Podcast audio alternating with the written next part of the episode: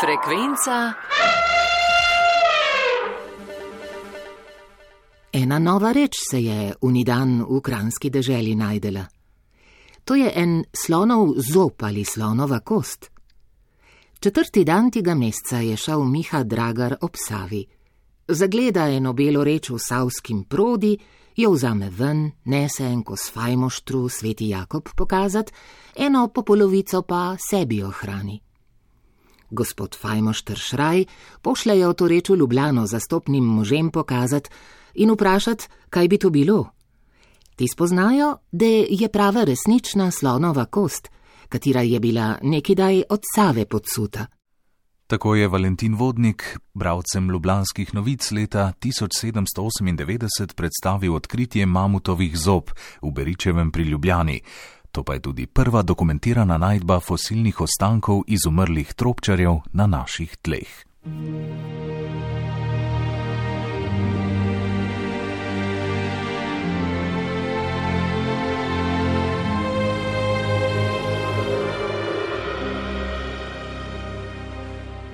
Tropčari, znanstveno proboscidi, so rece savcev prepoznanih po tropcu, dolgem mišičastem organu iz zraslih nosu in zgornje ustnice, po močno podaljšanih sekavcih, ter potem, da je večina njihovih vrst v evolucijski zgodovini dosegla precejšnjo velikost.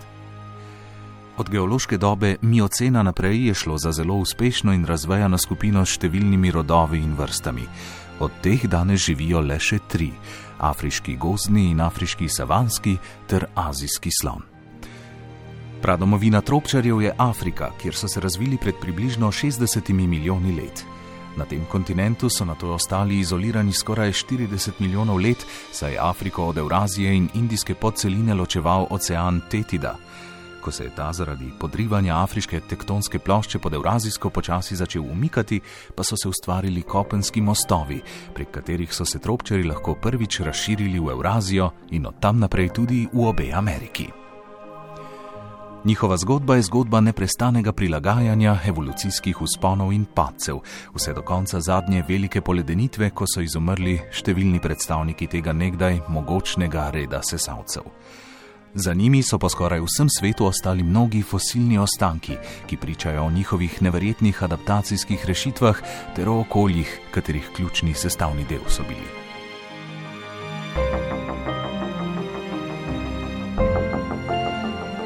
Fosilne ostanke tropčarjev pa skrivajo tudi danes slovenska tla.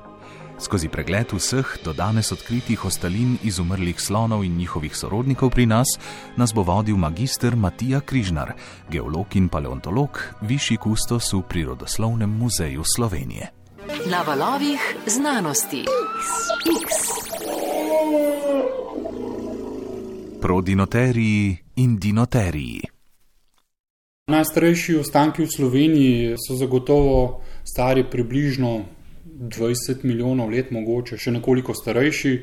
To je bila odkrita spodnja čeljustnica Prodinoterja, ki je bila eh, izkopana oziroma na ključno najdena v poskokopu v Drti pri Moravčah. Recimo Prodinoterjumi in Dinoterjumi so imeli podaljšano spodnjo čeljust v obliki nekih oklov, ki so eh, v bistvu štrleli navzdol medtem ko so druge skupine slonov imele okle uh, obrnjene navzgor oziroma uh, so izraščale iz uh, zgornje čeljusti.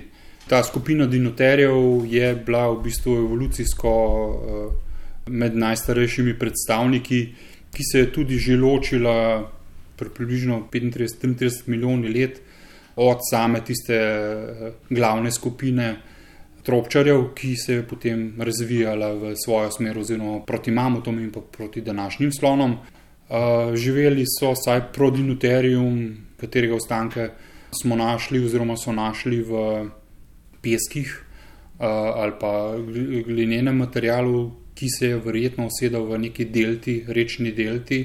Tako da verjetno so prodinoteriumi in pa tudi dinoteriumi kasneje bili bolj prilagojeni na močvirnato okolje. Če gledamo zdaj dinoterije, so bili nekako so prebivalci, če lahko temu rečem tako, tudi drugih uh, slonov. Ne. Od recimo mastodontov, pa potem do gompoteriumov, ki je bil tudi eden izmed rodov, ki je živel v Sloveniji. Ne. Samo, bom rekel, ne, približno 10 milijonov let kasneje, kot tisti prvi prodinjoteriumi pri nas.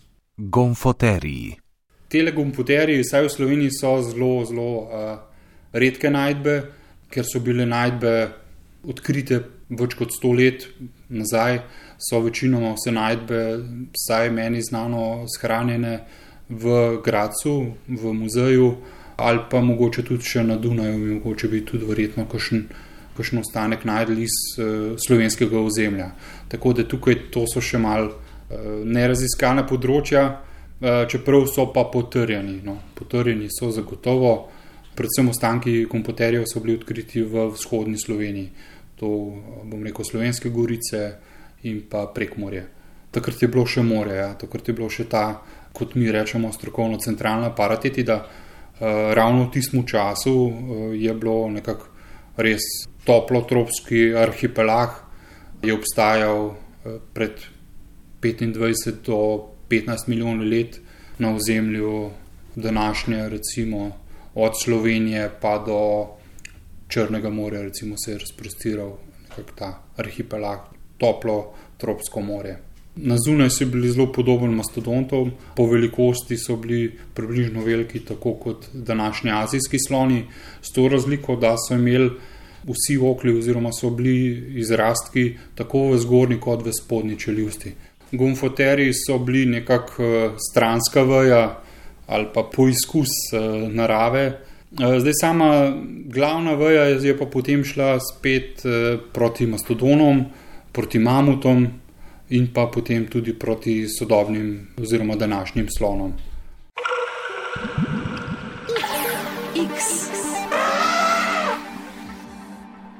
Mastodonti, Anankus in Ziglofodon. Na ozemlju Slovenije so zagotovo najbolj eh, pogosti ostanki eh, mastodonov oziroma predstavnikov rodu Anankus, kjer so jih našli, bom rekel, vsaj na 10-15 nahajališčih, tako da so ti ostanki, predvsem zobje, zelo, zelo pogosti. Ne.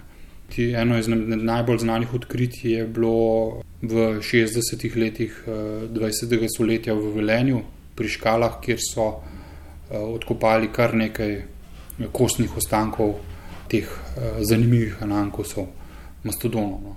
Eh, večinoma drugi so pa ponovno spet slovenske gorice proti vzhodni, vzhodni del Slovenije, kjer se je pa v tistem času, pred približno petimi milijoni let ali pa mogoče eh, nekoliko več, že razprostiralo bolj jezero, bolj sladkovodno jezero, to je to Panonsko jezero, po brežu katerega so tacali tudi te Anankusi.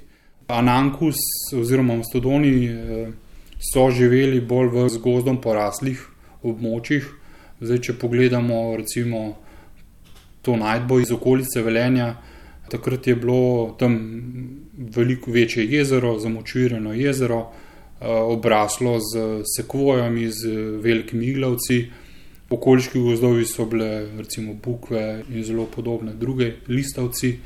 Uh, in to je bilo nekako tisto pravo okolje za Nankusa. Uh, Eh, o čemer pričajo tudi potem oblika zob.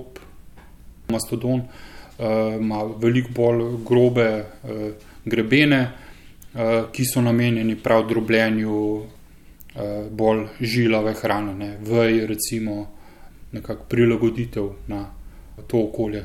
Za Ananku se je zelo značilno, zelo dolgi in pa relativno ravni okli. Verjetno so imeli ene izmed najdaljših oklov v celotni geološki zgodovini in so bili zagotovo kakšni veliki samci, zelo impozantni na pogled. Uh, okli so bili lahko zrasli tudi verjetno več metrov, tako da so bili kar nevarni nasprotniki svojih tekmecev.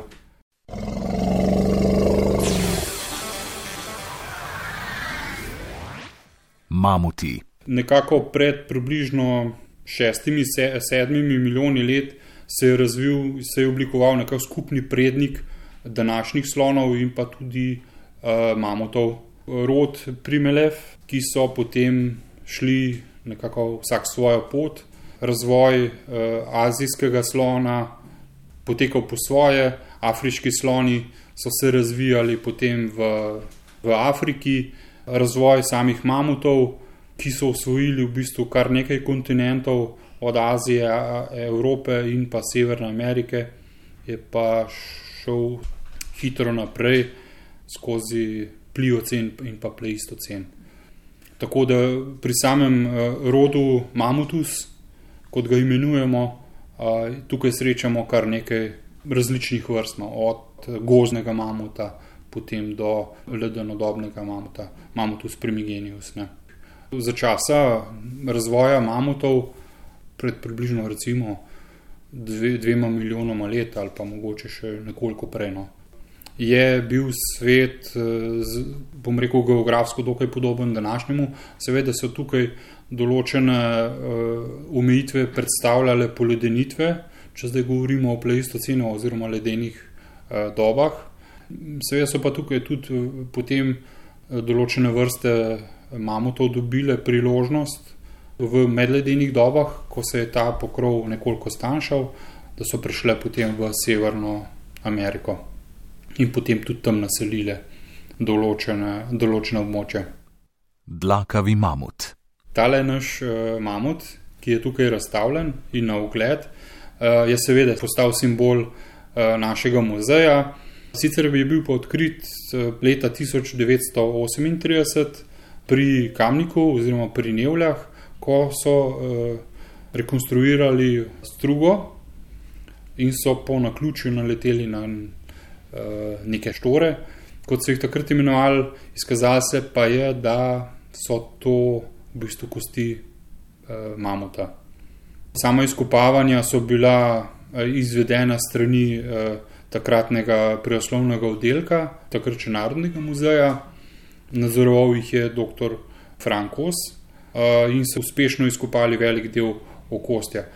Seveda, problem je bil pri samih izkopavanjih eh, v tem, da so kosti na zraku razpadle, so pokale, tako da so po izkušnjah kosti izkopavali zelo previdno, oziroma so posamezno kost izkopali šele, ko so lahko jo hitro zavili v slamo in pa potem oblili z malcem ter tako zaščitili pred, prvič pred izsušitvijo in pa pred razpadom. Uh, so te kosti odkupili od Kamničanov, to je zelo dobro dokumentirano, in pa pripeljali samo v Ljubljano, kjer so jih potem uh, uh, zaščitili pa, in pa konzervirali. Danes so te kosti lepo shranjene v depojih, na ogled smo pa zaradi samih problemov pri pri poškodbah oziroma pri pokanju in pa uničevanju kosti izdelali repliko, ki je zelo dobra in je tudi na ogled tukaj. Tale neveljski mamut v bistvu naj bi pripadal kar velikemu samcu. Uh, živel naj bi pred približno 20 tisoč leti, to je bilo ravno tista zadnja večja poledenitev. Zdaj sicer pri samih izkopavanjih so na, naj bi našli tudi neko kameno urodje, to da danes je to nekako bolj vprašljiva najdba, ker glede na velikost samega kamenega urodja, predvidevam, da s tistim nožičem prav veliko ne bi mogli narediti, kakšni uh, ledenodobni lovci. Tako da v bistvu verjetno je imamo tu umrl čist naravne smrti. Tega ne moramo preveriti, ker so kostiši toliko zaščitene in konzervirane, da bi težko relevantno pogledali kakšne poškodbe druge. Drugač pa samo okolje je bilo zelo podobno današnjemu, absolutno je bilo pa veliko bolj mrzlo, prebival je oziroma pasal se je predvsem po teh ravnicah Ljubljanskega barja in pa Kranskemu polju, recimo po samih gozdovih, verjetno zaradi prilagoditve se ni prav veliko sprehajal, je pa zagotovo so bili ti gozdovi sestavljeni iz smrek, borovcev in pa tudi uh, drugih takih bolj uh, mrzlodobnih drevesnih vrst. Sam mamut se pa verjetno prehranil s kakšnimi zelišči oziroma travami. Ostanki teh ledenodobnih mamutov, vrste mamutus primigenius, so dokaj pogosti v Sloveniji. No. Geološko nekaj starejše primere so našli recimo tudi pri Bobovku, pri Kranju, v Glinokopu. To, da nažalost so takrat že uporabljali težko mehanizacijo in so večinoma kosti, preden so sploh ugotovili, da so to kosti že uničili. Tako da tam je tudi zagotovo bilo celotno okostje ohranjeno, to da nažalost uničeno. No. Posamezni zobje so pa seveda, ali pa kosti se pa najdejo tudi seveda bolj v, v srednji ali pa tudi v uh, vzhodni Sloveniji. No. Na kakšnih bolj eh, prodnatih sedimentih, v rečnih sedimentih, v, produ, v Dravskem produ, recimo, ali pa v Muri, tako da tukaj so pa v bistvu tudi uh, relativno pogoste najdeno. Tega je kar nekaj, recimo, znani so iz Zlatoličja, recimo, ko so delali hidroelektrarno, so našli okol, uh, ali pa pod gradom Borl so našli stegnenico, ko so delali most. Tudi pri nas. Frekvenca. S klimatskimi spremembami ob koncu zadnje poledenitve je postalo področje južno od Alp za na ledeno dobo prilagojene mamute pretoplo, zaradi česar so počasi migrirali na sever. S tem pa je bilo konec 20 in še več milijonov let trajajoče uspešne zgodbe tropčarjev pri nas.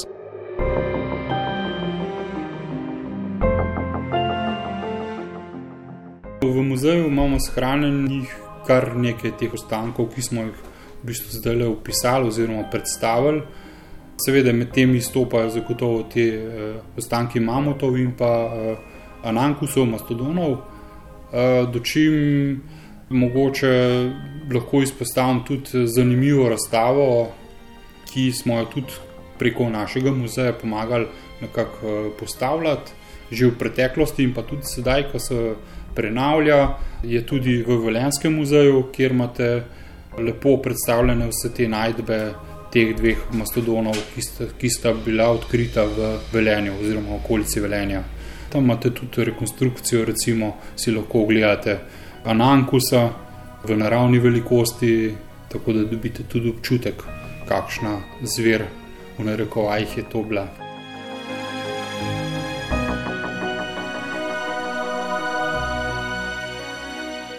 Zagotovo se bo še kaj našlo.